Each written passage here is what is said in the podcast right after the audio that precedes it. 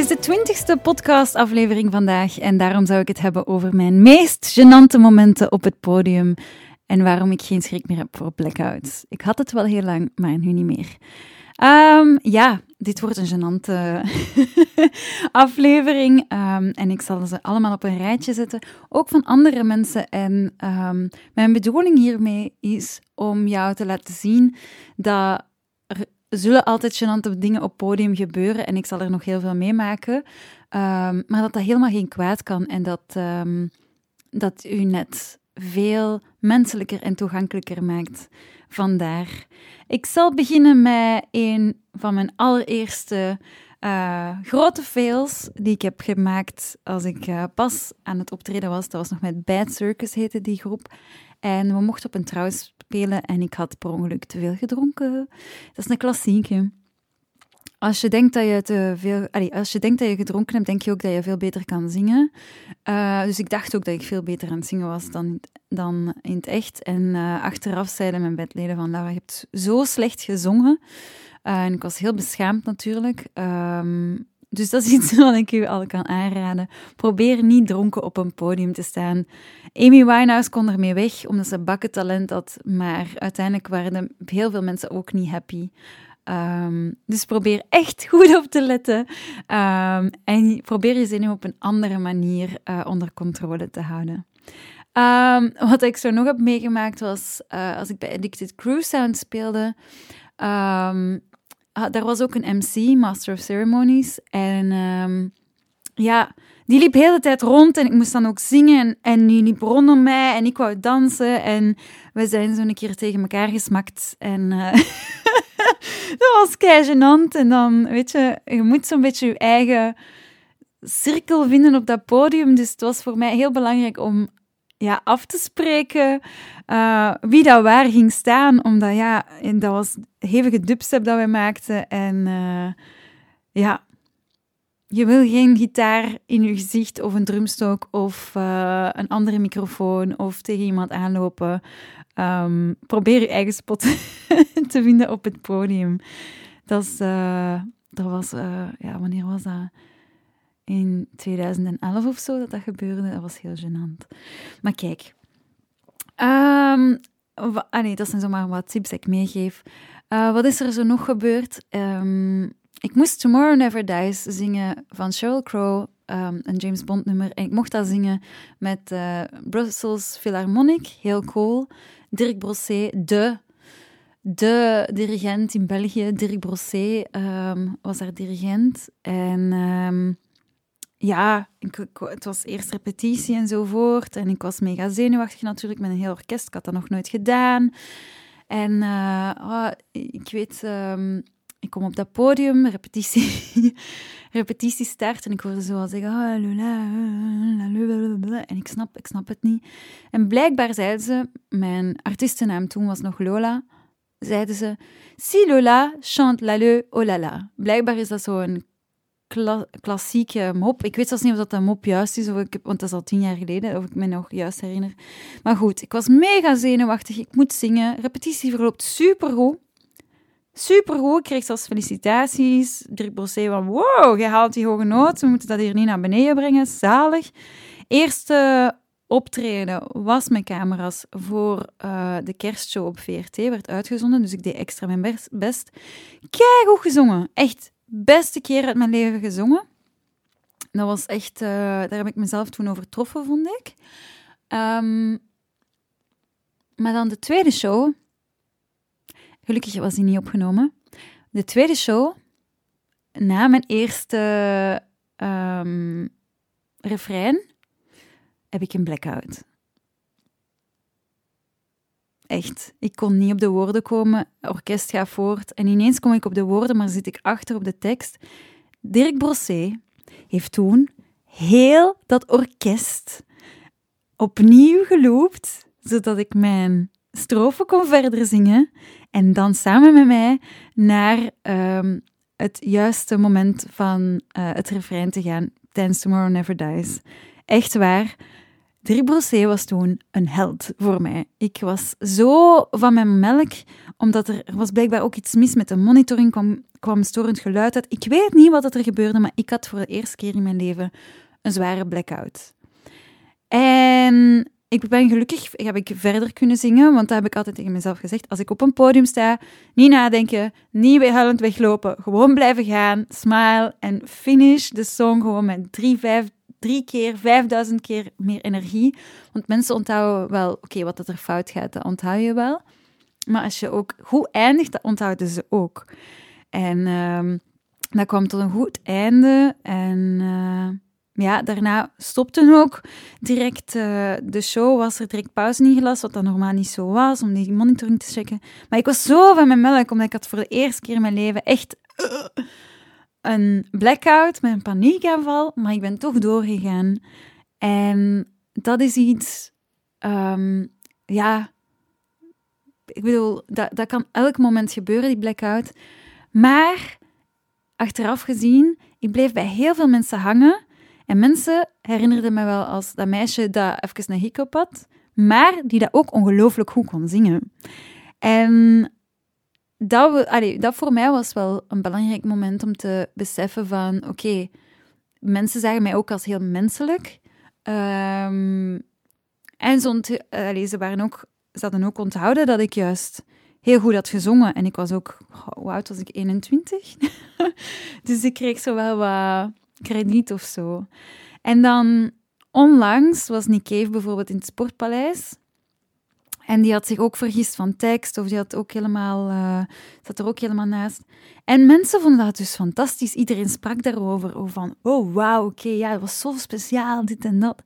En uh, dat is echt wel zo. Als je een grote veel, een groot gênant moment op het podium hebt en je staat gewoon terugrecht met een grote smile en je vliegt er terug in, dat vindt een publiek ongelooflijk. Daarmee, dat kan jou wel zeggen, als je ooit op een podium staat en je hebt schrik om te falen, je kunt falen. Falen werkt soms zelfs in je voordeel. Zolang dat je maar terug, als je valt, terug recht staat, big smile, gelijk de modellen op de catwalk. Zegt je je voet om, valt je op de grond, terug recht staan, big smile en verder wandelen. Dat is wat je moet doen.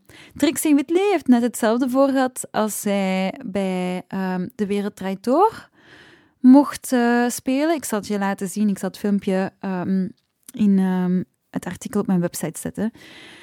En zij was helemaal haar tekst kwijt en ze zei... Wow, en dit en dat. En uh, de presentator zei toen: Trixie, wat is er gebeurd? En uh, ze zei: Ja, ja, dat kon ik zeggen, echt een blackout. En zij is wel. De week erop is zij gewoon opnieuw mogen langskomen en ze heeft dat keigoed gedaan. En mensen waren haar, hadden haar onthouden. Um, ze heeft dat de tweede keer keigoed gedaan.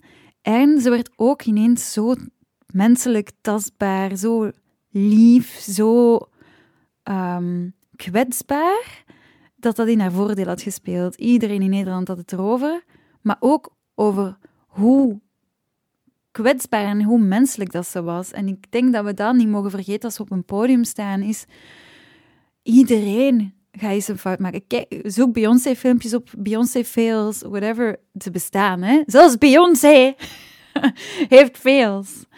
Um, als ik met Ozak Henry later in uh, Bergen in, um, in Berlijn speelde, heb ik ook een veel gedaan. Mijn backing track liep ineens. Woeps, ik weet niet wat er kwam. Maat achter. Ik moest zingen ondertussen, maar ik zat aan de maat achter. Ik wist niet, moet ik mij nu op de backing track focussen of moet ik niet op mijn piano focussen? Moet ik stoppen met piano? I don't know. En ik moest ondertussen zingen Close but no cigar. En ik echt waar, ik stierf van binnen, omdat ik was zo pijnlijk, maar ook grappig. En ik weet nog dat Piet naar mij keek en die zei van, oh my god, deze komt niet meer goed. En dan op dat moment dat ik dan Close But No Cigar moest zingen en wij keken naar elkaar. Het was zo'n uh, speciaal moment uit mijn carrière. Uh, en achteraf hebben we goed gelachen. Maar kijk, het kan altijd gebeuren. Het kan altijd gebeuren. Um, ja, ben ook zo bijvoorbeeld uh, al eens ziek geweest toen ik op het podium stond in de Lotto Arena. En dan hebben ze mij gewoon um, cortisone pilletjes gegeven. En ik heb superhoog gezongen. En de week erna betaal je dat. Dat is echt niet oké. De show must go on. En dat is, uh, ja, dat is een grote les wat ik heb geleerd uit, uit mijn carrière van ongeveer meer dan 15 jaar op podium staan. Dat wil zeggen van, oké, elke keer als ik een nieuw nummer zal, zou zingen, dan leg ik altijd de tekst in het grote podium voor mijn voeten. Omdat sinds mijn blackout heb ik daar um, angsten voor dat dat nog gaat gebeuren enzovoort. Uh, dus die tekst, ik gebruik die nooit, hè, die tekst, want ik ken mijn tekst van buiten. Maar moest het toch nog eens gebeuren, dan heb ik altijd iets bij de hand. Dus ik heb geen schrik meer voor blackouts, want ik cover mezelf helemaal in.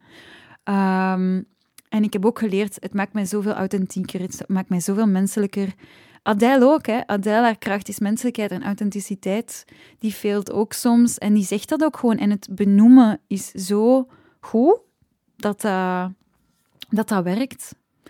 Um, dus, moraal van het verhaal, op je bek gaan kan geen kwaad. En soms helpt het zelfs om een onvergetelijk moment te maken en te connecteren met het publiek.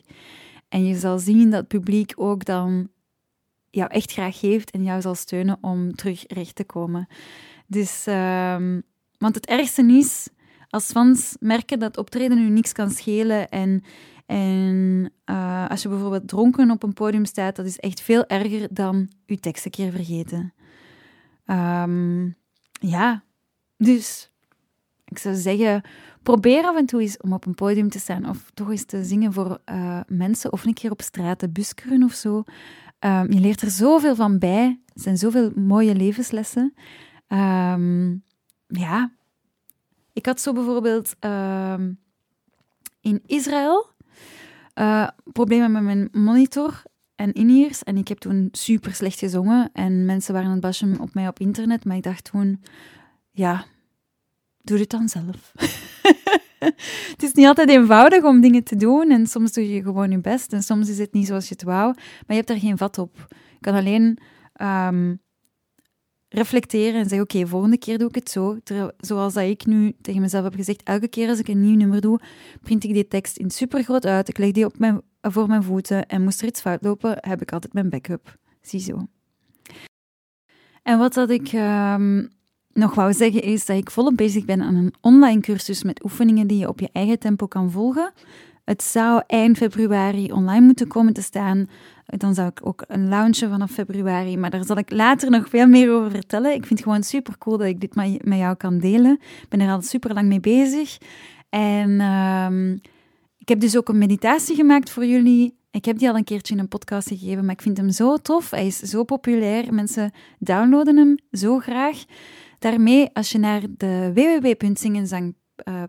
gaat, slash podcast, dan kan je daar bij uh, podcast 20 kan je de meditatie downloaden. En dan ben je zeker dat je heel geconcentreerd het podium op gaat, dat je je heel zelfzeker voelt voordat je kan beginnen, dat je alles onder controle hebt.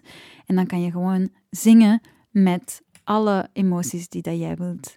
Bedankt voor het luisteren. Heb je zin om zangles te volgen, kan je dat checken op zingenzang.com. Uh, je kan ook online les volgen, dat is geen probleem. En dan geef ik jou persoonlijk wat meer uitleg over jouw stem, wat het beste voor jou zou werken, wat je, waar je aan moet werken. Um, ik geef je wat extra techniekjes bij. Ik vertel je of je sopraan bent, of mezzo-sopraan, of alt, of tenor, bas of bariton. Dat kan ik allemaal voor jou checken, de eerste les. En dan kan ik aangepaste oefeningen aan jou geven. Dat lijkt me heel tof om eh, nog met mensen van mijn podcast te connecteren. Ik heb er al een paar gehad, uh, op online zangles bijvoorbeeld, en dat was super tof. Ik kan heel veel oefeningen geven, waar dat jij op lange termijn veel beter van gaat leren zingen, en waar dat je ook van bij gaat leren, en waardoor je veel zelfzekerder bent om voor een publiek te zingen. Ziezo. Heel erg bedankt voor het luisteren, en tot volgende week. Bye!